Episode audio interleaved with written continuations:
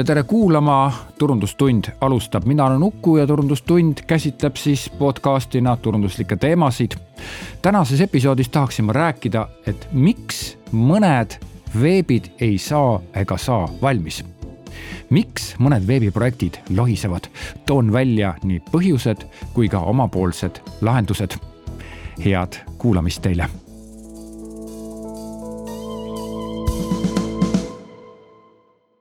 aga mikspärast ma üldse sellise mm, teema siis omale laua peale võtsin, aga sellepärast, et mina oma kahekümne aastase reklaamiagentuuri töö puhul ja nüüd ka viis aastat siin freelancer'ina töötanud, ikka tuleb ette seda, et veebid ei saa valmis, pigem on see nagu norm, et veebid ei saa tähtajaks valmis, kui et, et siis, et siis veebid saavad valmis. Ja siin on nagu mitu põhjust.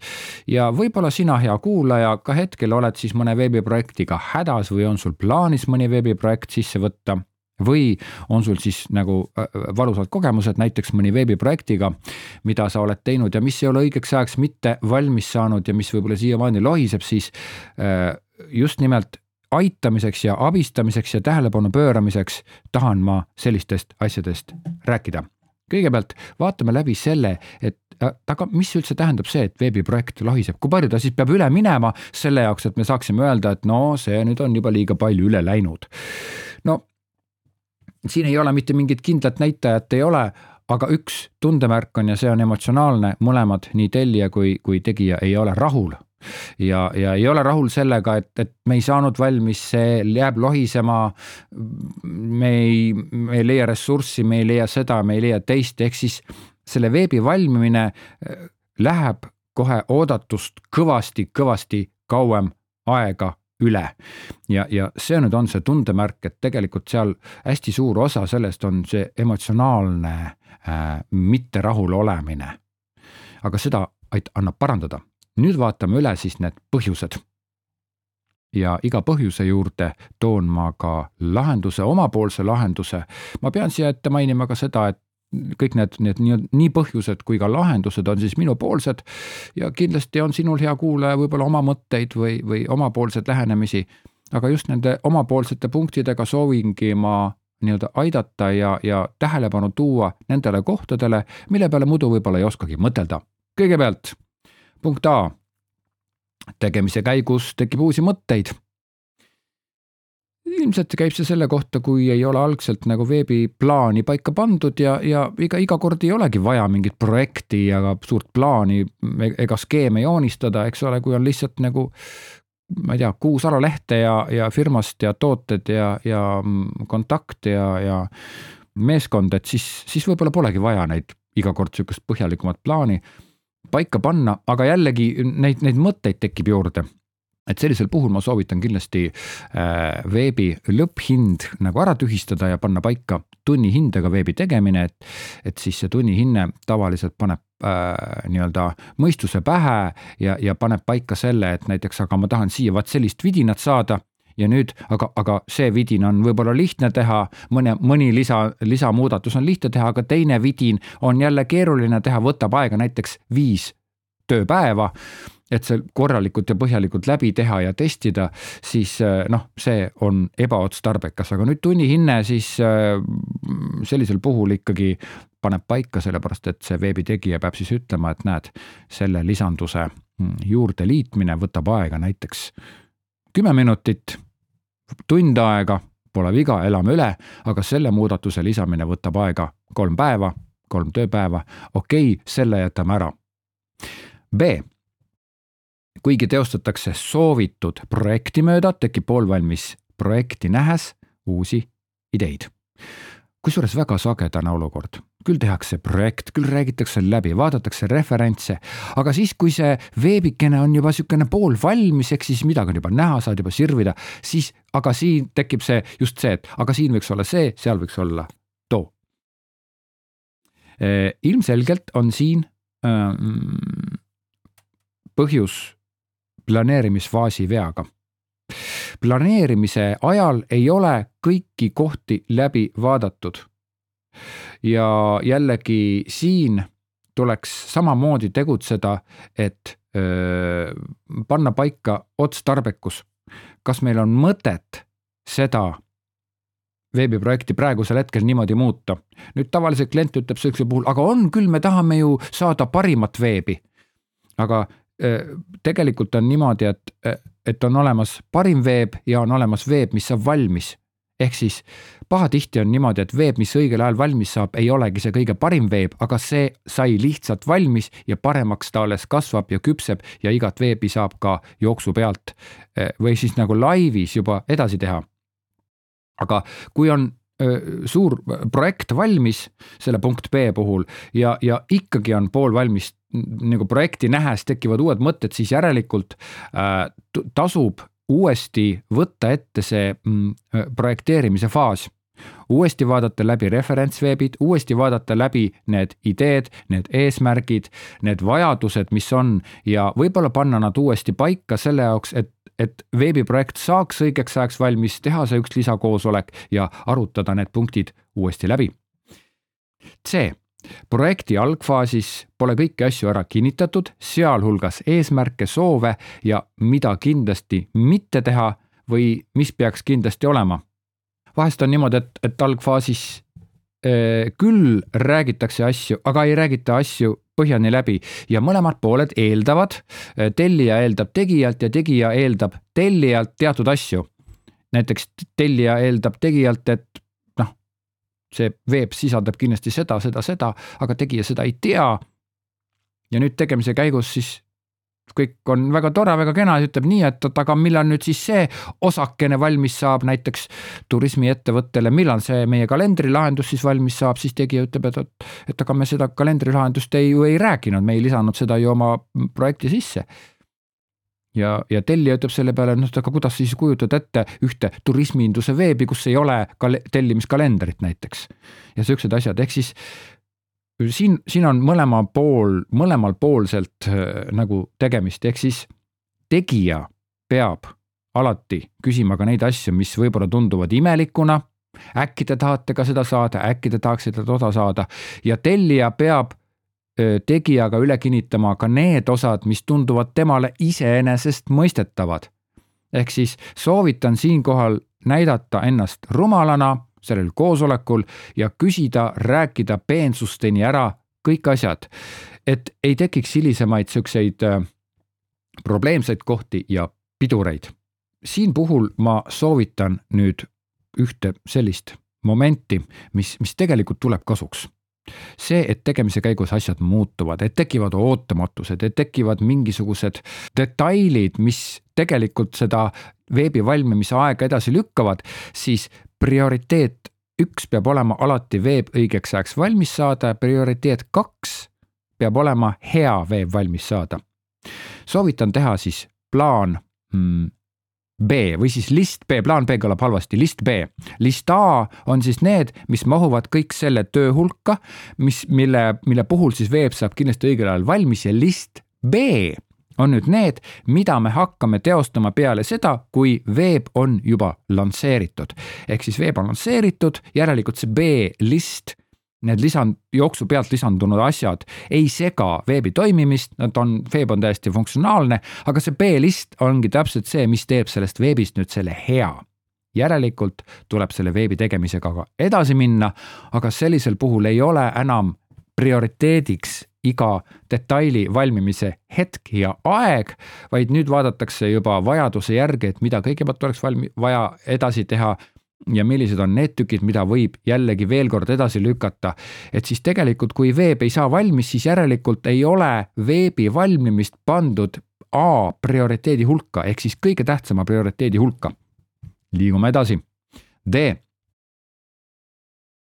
tegemise protsess on pikk ja selle aja jooksul toimub ettevõttes juba muudatusi ning see tuleb kajastada ka pool, poolvalmis kodulehel näiteks mõni tootekategooria tuleb juba juurde.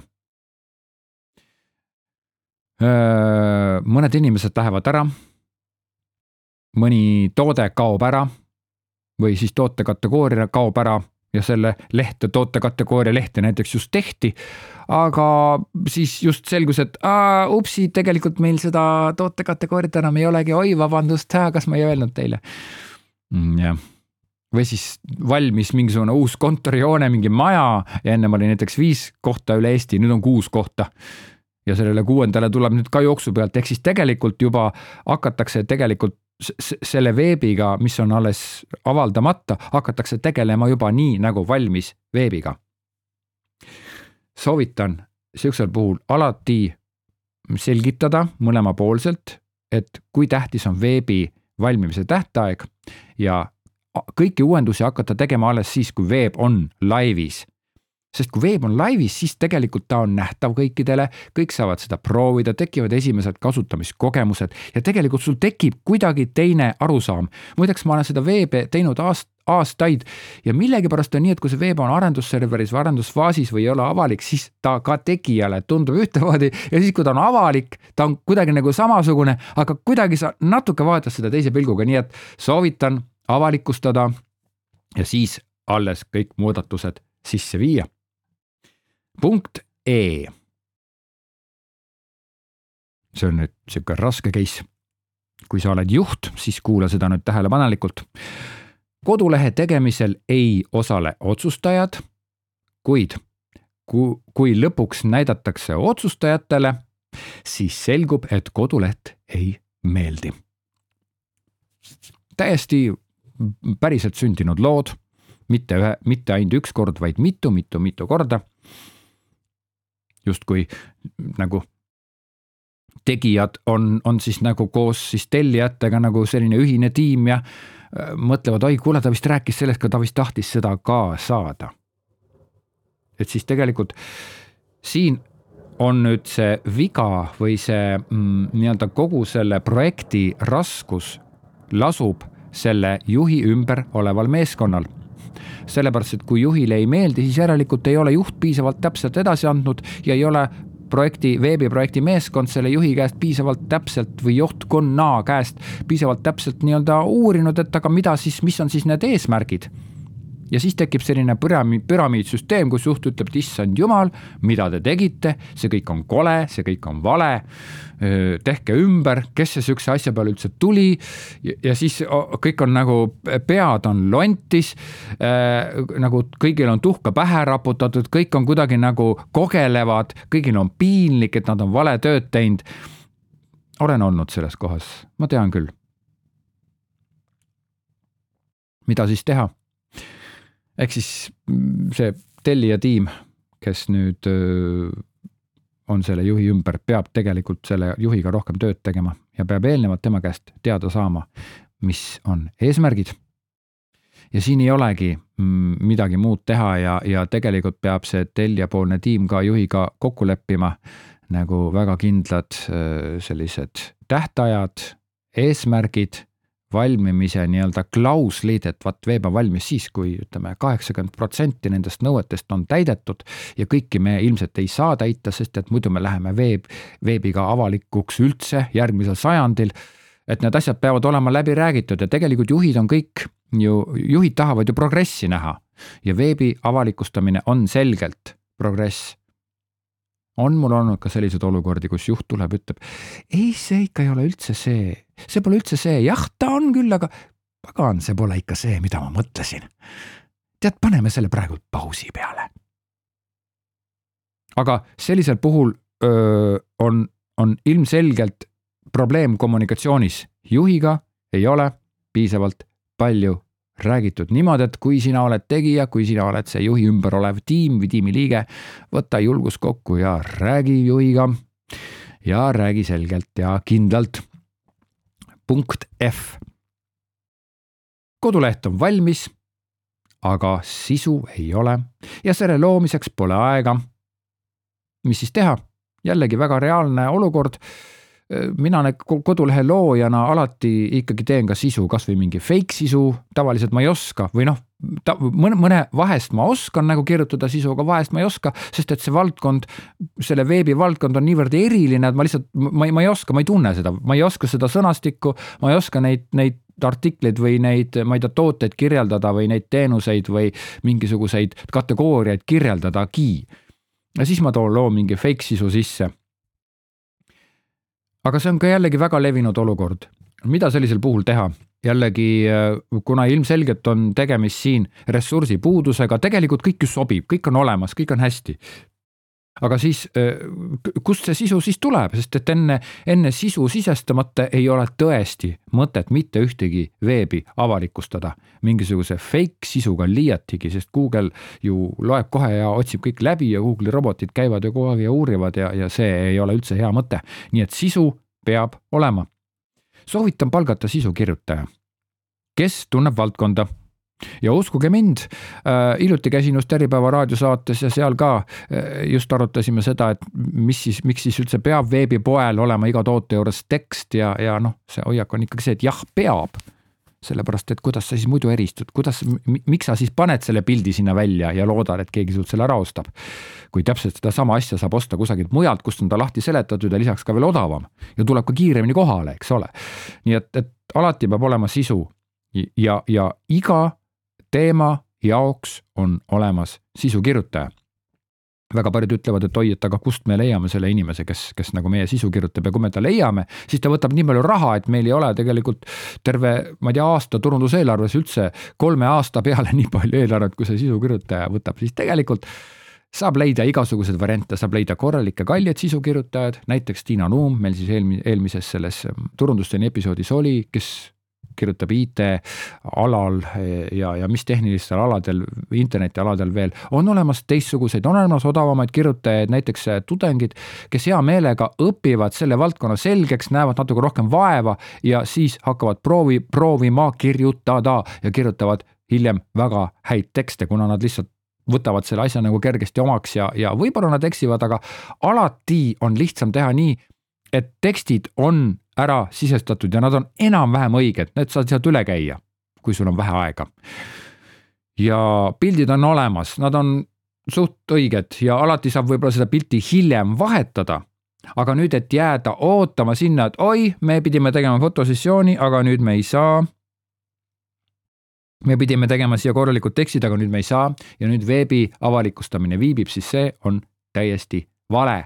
nii et soovitan võta, soovitan leida sisukirjutaja ja soovitan ikkagi ka mm, nii-öelda pildid ja videod ja muud materjalid ikkagi esialgu ära teha niimoodi, et nad on enam-vähem õiged. hiljem saab neid siis parandada, nad ei tohi sisuliselt valed olla, aga tavaliselt on mingid nüansid ja senikaua, kuni need nüansid ei ole täiesti viimase karvani õiged, siis veebi ei avalikustata ja tegelikult siis see veebi valmimine venib mingi aasta, poolteist aastat ja nii edasi, kusjuures see ei ole üldse midagi väga erilist.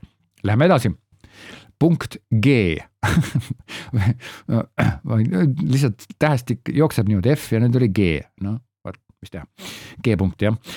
kodulehe valmimise tähtajaks pandi ebareaalne aeg. No vot, miks pannakse ebareaalne aeg, mitmesugused põhjused on, vahel on see, et mingisugune kampaania algab või vot ettevõte pidi laivi minema üldse nagu avalikkuse ette minema sellel ajal.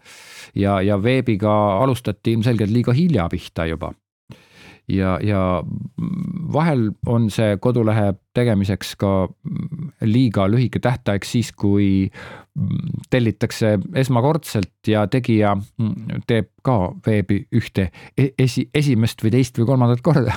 et tuleb ette, ei ole midagi hullu. aga rusikareegel on see et kui sa ütled, et no kaua see veebi valmimine ikka aega võtab, et mingi kuu või kaks või noh, mis seal ikka, siis äh, soovitan panna paika reaalse plaani, mis on siis kolm korda sellest tähtajast, mis te panite üle. ja jaotada ära mingid vahetähtajad jah. ja, ja noh, mida, mida siis teha, kui valmis ei saa, sest suure tõenäosusega, kui juba pandi vale liiga lühike tähtaeg, siis ei olda kursis ja kui ei olda kursis, siis üsna ilmselgelt see projekt venibki pikemaks. ehk siis alguses, kui sa ei ole varem veebe teinud, kui sa ei ole varem veebe tellinud, kui sa pole tel- te,, tegelenud piisavalt palju veebide tegemise, tellimise ja kõige selle muu jamaga, siis äh, lihtsalt korruta oma veebi valmimise tähtaeg kolmega. nüüd sa ütled mulle, et kuule, aga me panime ju kaks kuud, kui ma selle kolmega korrutan, me saame ju pool aastat juba. jah, pool aastat on ühe veebi valmimiseks täiesti normaalne aeg isegi lihtne veeb valmib pool aastat, sellepärast et tekivad mingid viivitused ja sa pead minema komandeeringusse ja tegija ei saa ka kogu aeg teha, sellepärast et ta, ka ta, ka temal on ju muud asjad ees, ta ei saa ju nii-öelda iga tagasiside peale kohe viie sekundi pärast hakata nagu klõbistama ja programmeerima ja, ja, ja tegema ja juhtub igasuguseid asju, igasuguseid asju juhtub, alati tasub panna vaheajad, vahetähtajad kui ka, nüüd ma ütlen ühe väga tähtsa sõna, puhverajad. ehk siis näiteks kuu aja pärast on meil valmis siis veebi sihuke frame ehk siis sihuke raamistik ja see raamistik sobib, seal on siis kujundus ja sisukohad on enam-vähem paigas. ja siis hakkame ehitama mingisuguseid teisi detaile, näiteks mingeid funkt-, funktsionaalsusi, näiteks e-poodi või midagi sellist, eks ole. ja, ja kahe kuu pärast on meil siis valmis nii-öelda kogu funktsionaalne raamistus ja öö, järgmi-, järgmised viimased kuu aega hakatakse siis tegelema sisuga. ja nüüd, kui kolme kuu pärast on siis veeb nii-öelda valmis, siis alles hakkame seda veebi üle lugema ja üle vaatama ja otsustama, et kuhu meil on vaja lisapilte. aga nüüd iga etapi jaoks nii raamistus kui sisu kui ka nagu lõppfaas on pandud paika mm, puhveraeg näiteks pidime saama valmis veebi äh, kuu ajaga, raamistuse, nüüd paneme puhveraja. kui palju see võiks olla, no nädal aega on, on puhveraeg, üks nädal on puhveraeg. ja tegelikult on ju niimoodi, et kui sa ei teadnud, et sa jääd haigeks, siis umbes nädalaga saad sa terveks. võib-olla sa oled pool aastat haige, no mis siis teha, noh. aga umbes nädalaga saad sa terveks, sest et kõik need gripikesed ja siin igasugused muud haigused, mille nime ei tahagi kohe nagu mainida. noh, nad üldiselt ikka siukse nädala nagu kestavad. vanarahvas ütles ikka, et noh, nohu läheb mööda umbes nädalaga, kui sa ravid. ja kui sa ei ravi, siis saab ta seitsme päevaga läbi. nii et näiteks kuuajase etapi puhul võiks olla nädal aega puhveraeg. et siis kuu ja üks nädal on nüüd siis viis nädalat ühesõnaga on nüüd siis selle ühe etapp, etapi valmimise aeg. Aga mm, see kehtib siis sellisel puhul, kui see oli siis see G-punkt ja et kui valmimise tähtaeg oli ebareaalselt lühike, et siis tasub juba kohe arvestada rohkem aega. punkt number H, no ta ei olegi punkt number, vaid ta on H-punkt valitud projektikäik on liiga kohmakas. Näiteks iga kord ei ole põhjendatud esialgsete Photoshopi kavandite tegemine ja seejärel alles HTML-i ja siis PHP programmeerimine. olen seal olnud, olen seda teinud kümnete, kümnete, kümnete, kümnete kavandite viisi, kõigepealt PHP või neid kõigepealt äh, Photoshopi mm, neid mm, pilte ja väga tavaline case on see, et kui sa teed Photoshopisse nagu selle kavandi valmis, näiteks sisulehe kavandi ja sinna sisulehte mõtled, hea küll, ma panen siis igaks juhuks selle õige teksti ka sinna sisse ja siis klient hakkab siis Photoshopi sellelt nii-öelda JPG kavandi pealt hakkab seda teksti, ütleb äh,, aga, aga siin on teil viga sees. Teil on siin tekstis sees üks viga, see tuleb ära parandada kindlasti, muidu äkki see läheb sinna nagu noh, sisse ja siis sa põhimõtteliselt näed mitu päeva vaeva lihtsalt sellega, et mingisuguseid vigu parandada, sa küll ütled, et see ei ole nii ja hiljem saab kõik tekstiks, aga sa pead seda asja tegema. okei okay,, see oli minu mingisugune väikene noorepõlve trauma aga ma olen jah, päris palju neid JPG-si vorpinud Photoshopis teha ja, ja mõnedel puhkudel on see täiesti õigustatud, eriti siis, kui on nagu tegemist suurema veebiga, kui on tegemist suurema kinnitajate seltskonnaga, see on siis jõuorganite ehk siis riigi ja suuremate ettevõtete, näiteks Telia puhul või siis üldse mingi rahvusvaheline ettevõte, kus sul on vajagi nagu neid asju kinnitada enne, kui sa üldse hakkadki midagi muud tegema ja see protsess ongi nii planeeritud. aga nüüd vahest on ka natukene väiksemad riigiasutused, kus tegelikult saaks läbi ka lihtsamini. ja natuke väiksemad erafirmad, kus samamoodi, mis on küll piisavalt suured, hea kuuskümmend töötajat, Eesti mõttes suur firma, aga kus tegelikult saaks ka lihtsamini läbi, et, et soovitan sellisel puhul ikkagi kaaluda, kas on vaja nii pikka ja põhjalikku protsessi ja iga kord ei ole vaja ka rätseplahendust igale veebile. jah mõnikord see on vajalik. rätseplahendus on vajalik siis, kui on see visuaal peab andma mingisuguse erilise sõnumi, kui sellel visuaalil ei ole sõnumit ehk siis kuidas asjad on paigutatud, siis soovitan seda nii-öelda rätseplahendust ja, ja Photoshopi ja, ja HTML-i lõikamist ja PHP programmeerimist mitte teha. vaid võtta kohe mingi põhi, milline iganes sobib. Voog, Wordpress, Wix, mis iganes. ja, ja selle põhja peale siis lahendada template'i peale, lahendada ära, võib-olla saab template'i natuke muuta nii et, et ma olen seda asja mõnel korral ikkagi näinud, et miks veebi valmimine viibib, sellepärast et see protsess on liiga kohmakas selle veebilehe jaoks. vaatame edasi, punkt I. projekti tiimiliikmed muutuvad. jah, näiteks tellijate tiimist lähevad kõik inimesed ära, peale ühe. aga see üks inimene ka väga ei otsustanud seal midagi või siis äh, tegijate tiimist läheb ära näiteks kolm inimest ja kaks jääb alles. aga nendel kahel pole enam aega selle asjaga tegeleda.